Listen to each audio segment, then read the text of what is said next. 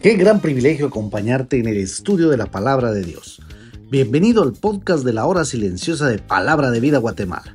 Descubriremos junto a ti los desafíos que Dios nos dará hoy a través de su palabra. Deseamos que hayas tomado un tiempo para leer con anticipación el pasaje del día de hoy.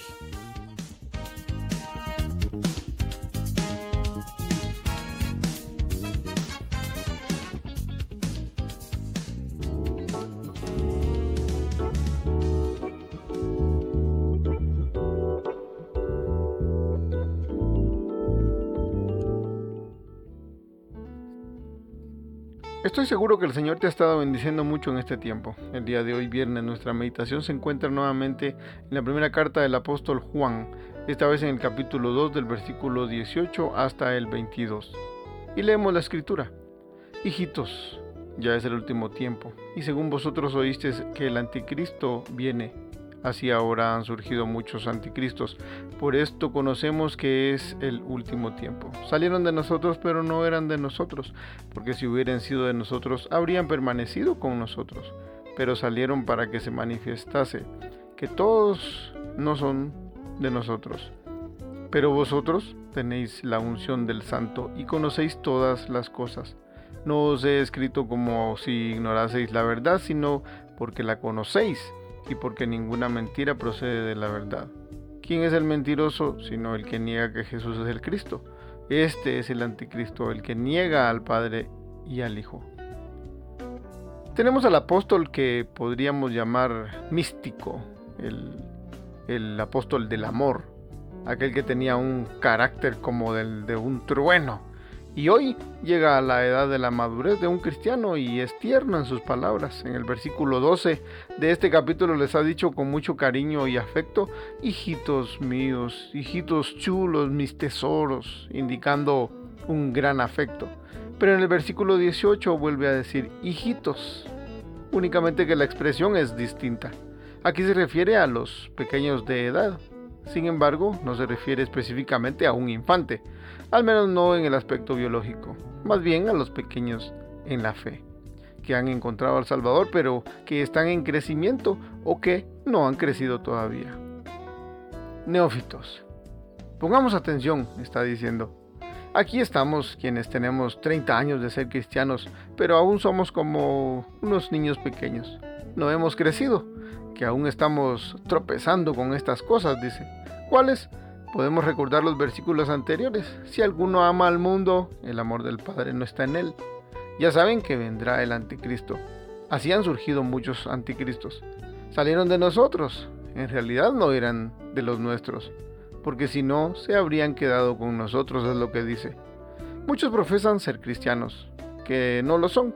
¿Cómo puede ser esto?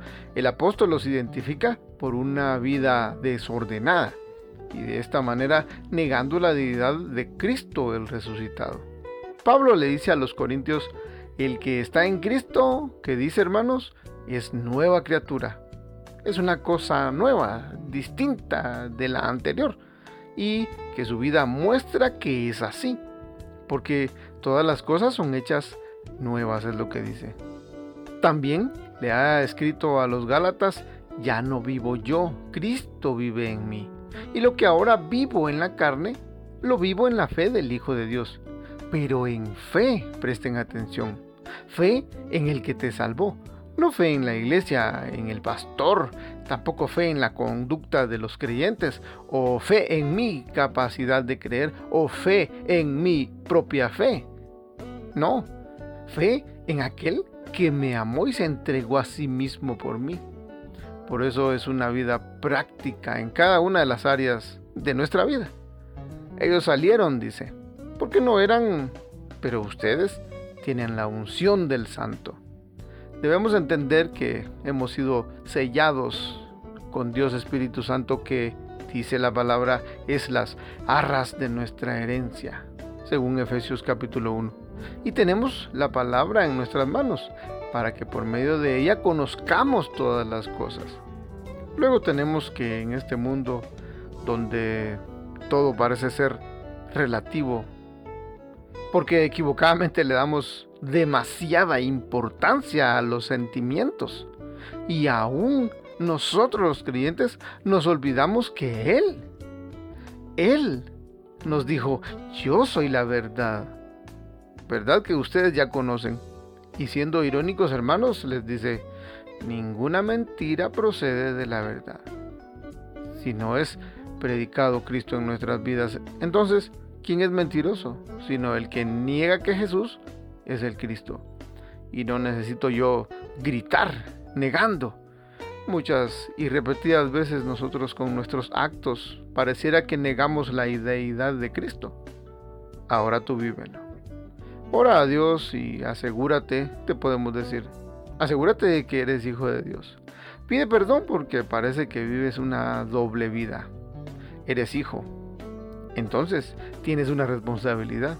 Y no puedes decir que soy débil, entonces por eso me deben cuidar después de 30 años de ser cristiano. Más bien debes pedirle al Señor que te permita crecer y te aseguro que Él lo hará.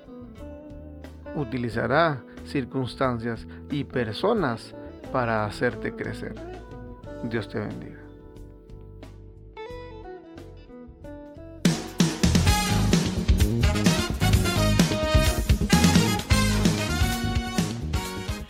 Es emocionante saber los tesoros que Dios tiene en su palabra para nosotros. Ayuda a tus amigos a que descubran la voluntad de Dios para su vida. Comparte este podcast con ellos.